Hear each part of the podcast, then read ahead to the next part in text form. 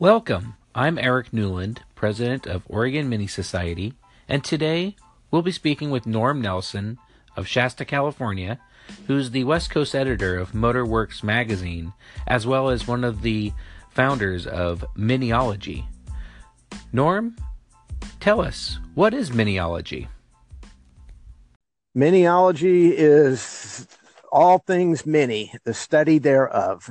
It started about 2004 and it covers events and activities and it's been doing podcasts for the last oh my goodness how many years now? That's 13 years i guess. Nice. Very good. And you've had some really great content. Uh, you did an interview with Paddy Hopkirk.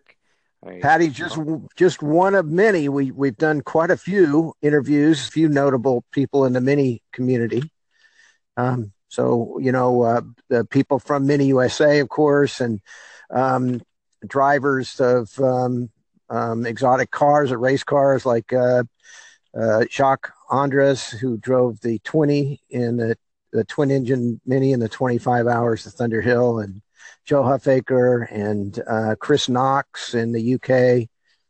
Plus, we've had interviews with people. We even had a one of our episodes was a an international worldwide where we had people calling in from seven or eight different countries, and we had uh, scheduled and had a interview with and uh, talking about world events um, of many activities.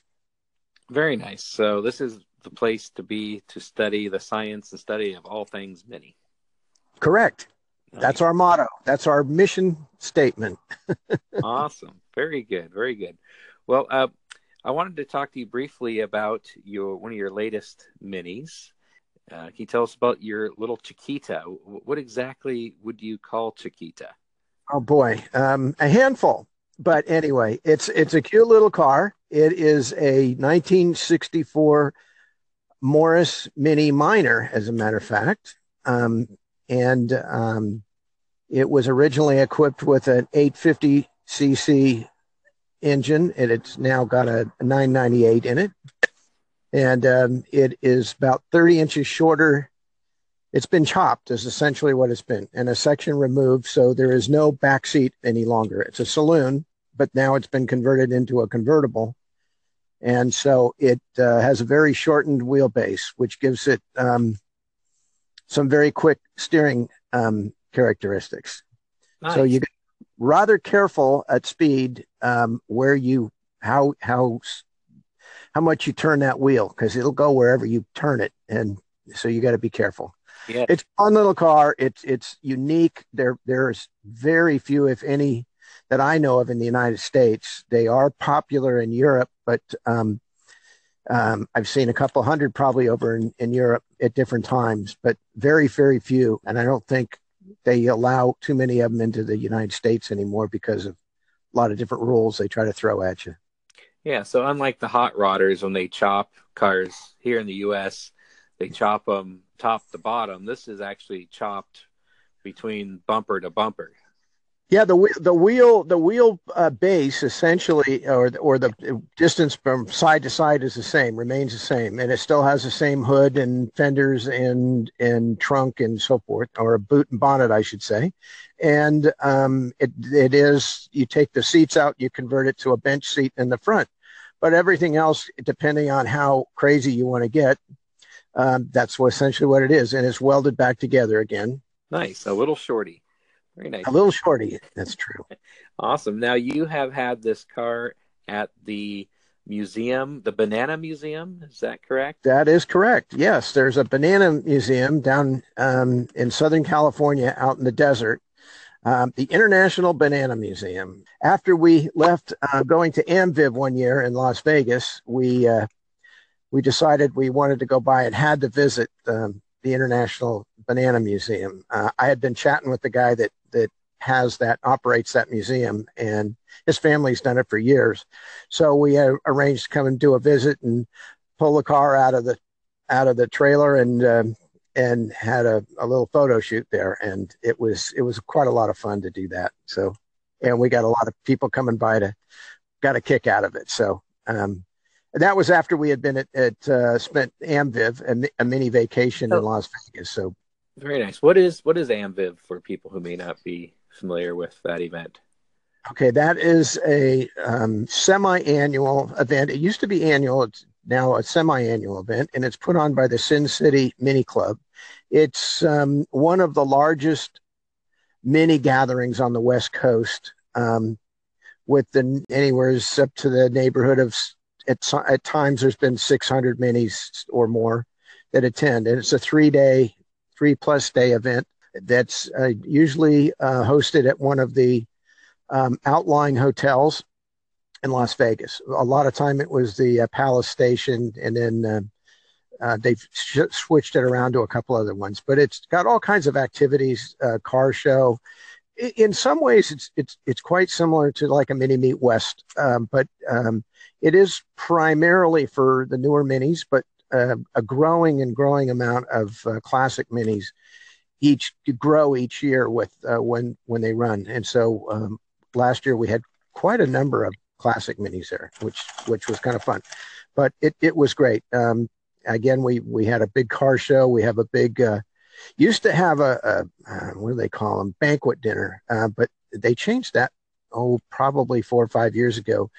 It became a poolside party where they would open up a bar um, and they would barbecue food and everything else, and you would show up in your bathing suit or tonga or whatever. And the awards were given out throughout the evening, and it was uh, beach balls were bouncing all over the place. Quite an informal um, and quite a, a, big change to the way the um, banquets had been held in the past. So um, I've always found that was that was really a hoot to be able to go out and have a lot of fun it's it's similar in, in size. I wouldn't say it's as big as Minis on the Dragon, which is done in North Carolina, but it is it is quite a significant event in the on the West Coast. Ah, so how many uh, cars would you say have uh, attended uh, new versus classic Minis at this event?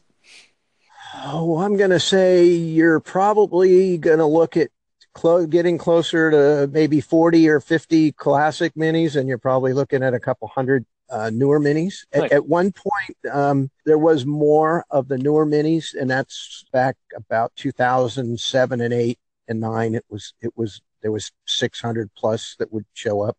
One of the popular events too is the um, Friday night cruise on the Las Vegas Strip. So they arrange everybody to get. We line up out by the airport, and we go four wide down the the strip through the, the casino alley, and all the minis are there screaming and yelling and lights on and honking horns. So right it on. becomes quite quite a, skept- a spectacle for the people there. So excellent. So the next event, this is not going to happen again until 2019. Is that correct? It might. I think it is 2019. I, I, I really don't know. I know that they're teaming up with. Um, it, it, was always run by Sin City, and I know now. I think in, in Southern Cal Mini Maniacs, I believe, is getting involved, as are the Arizona Minis.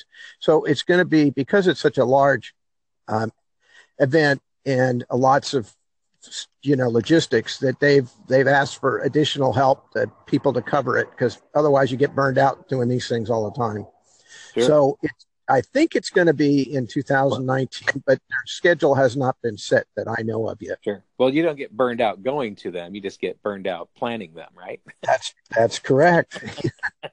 you can always sit around the pool and sip a pina colada if you want. So there's there's always that, or or uh, you know, shoot some dice or whatever you want to do or play some blackjack. It, there's all there's anything you want to do in Las Vegas, as you know, it's a, a perfect place for to hold something like that because uh, there's something for everybody there. That's awesome.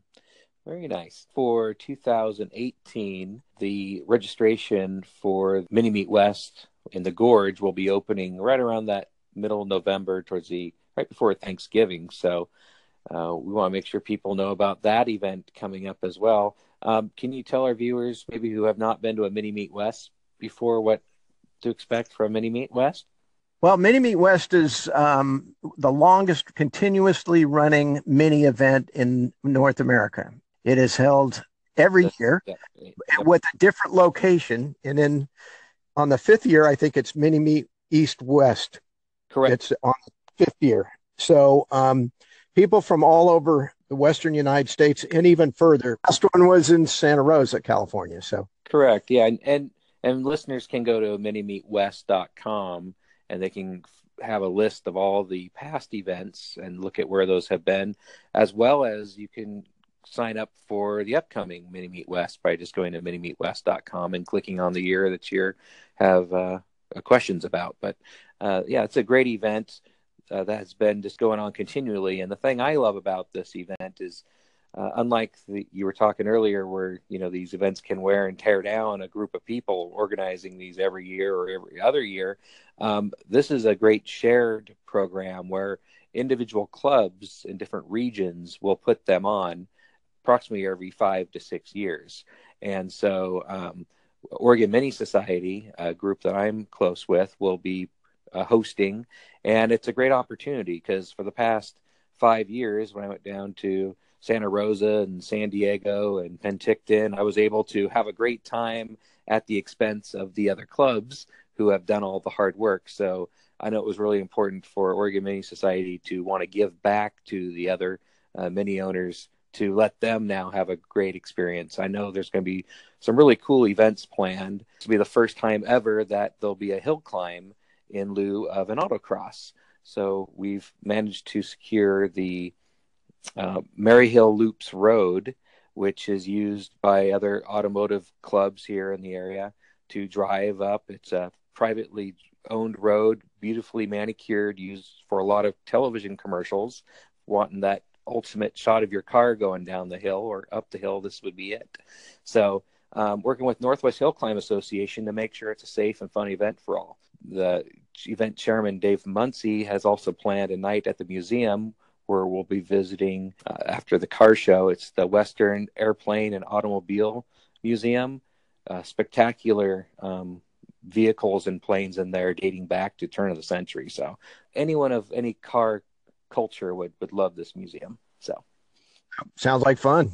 I'm there's all kinds of good stuff. It's a beautiful area too, and it's been a long time since I've been there. But uh, um, we have um, our group from Shasta Minis is planning a caravan, and as are others to come up. And I know that we even have friends coming from uh, as far away as New Zealand that are going to be traveling over to go to this event, and uh, they're going to be staying with us, and then we're going to have them tag along with our caravan and and uh, come up there. So you'll have some some people from uh, uh, Nelson, New Zealand, um, on their way up to say hello. So Very nice. there'll be people all over, which is which is great. That's what's the fun part about it is this this draws people from across the western United States and and distances beyond that as well. But it's so much fun to get together with with people and and compare things. The great car shows are always a lot of fun, and the rallies and the Funkana, I, I have to say, I've always enjoyed those. This last one had to be the best, probably one of the best. The teeter totter and and some of the other things uh, were just hilarious, and it it really added a lot of fun and uh, uniqueness to it. So I'm sure you guys will come up with something really great as well, because that was uh, the hard one. And every, it, it, each get it each gets better and better each year. I think too. I, you know. Um, at least the ones I've been to, the organization seems to get better. And I know the groups share each other's notes and information and processes and everything else. So it really does. And the word gets out really well to get everybody there. And people look forward to this. They, they plan for, you know, their, their school vacation. They plan their whole family vacations around this. And, and, and then that's their, their vacation for the years. They take their mini out and and drive it hundreds of miles to come to something like this and say hello to all their buddies. Absolutely. And this uh, upcoming event will take place uh, in June 2018, starting on the 25th, will be a meet and greet. And then the 26th, we'll have a car show. And then, like I mentioned, the night at the museum. 27th is the Autosport Day, which will have the hill climb. And then followed up by the 28th will be the rally in the morning, which is going to be spectacular. Uh, we did a test run. I had a sneak peek of it. Uh, so unfortunately, we'll not be competing in it this year.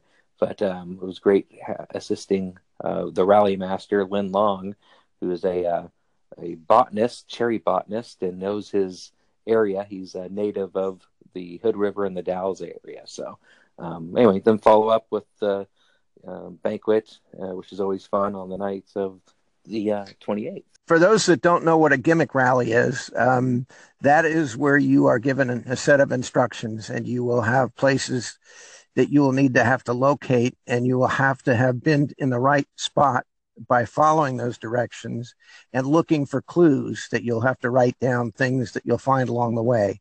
And you will keep a score sheet and then you will write in all the answers. And then when you come back, you will be you'll be timed, uh, of course, but you will be judged on all the correct answers. And the one that has the best score obviously wins.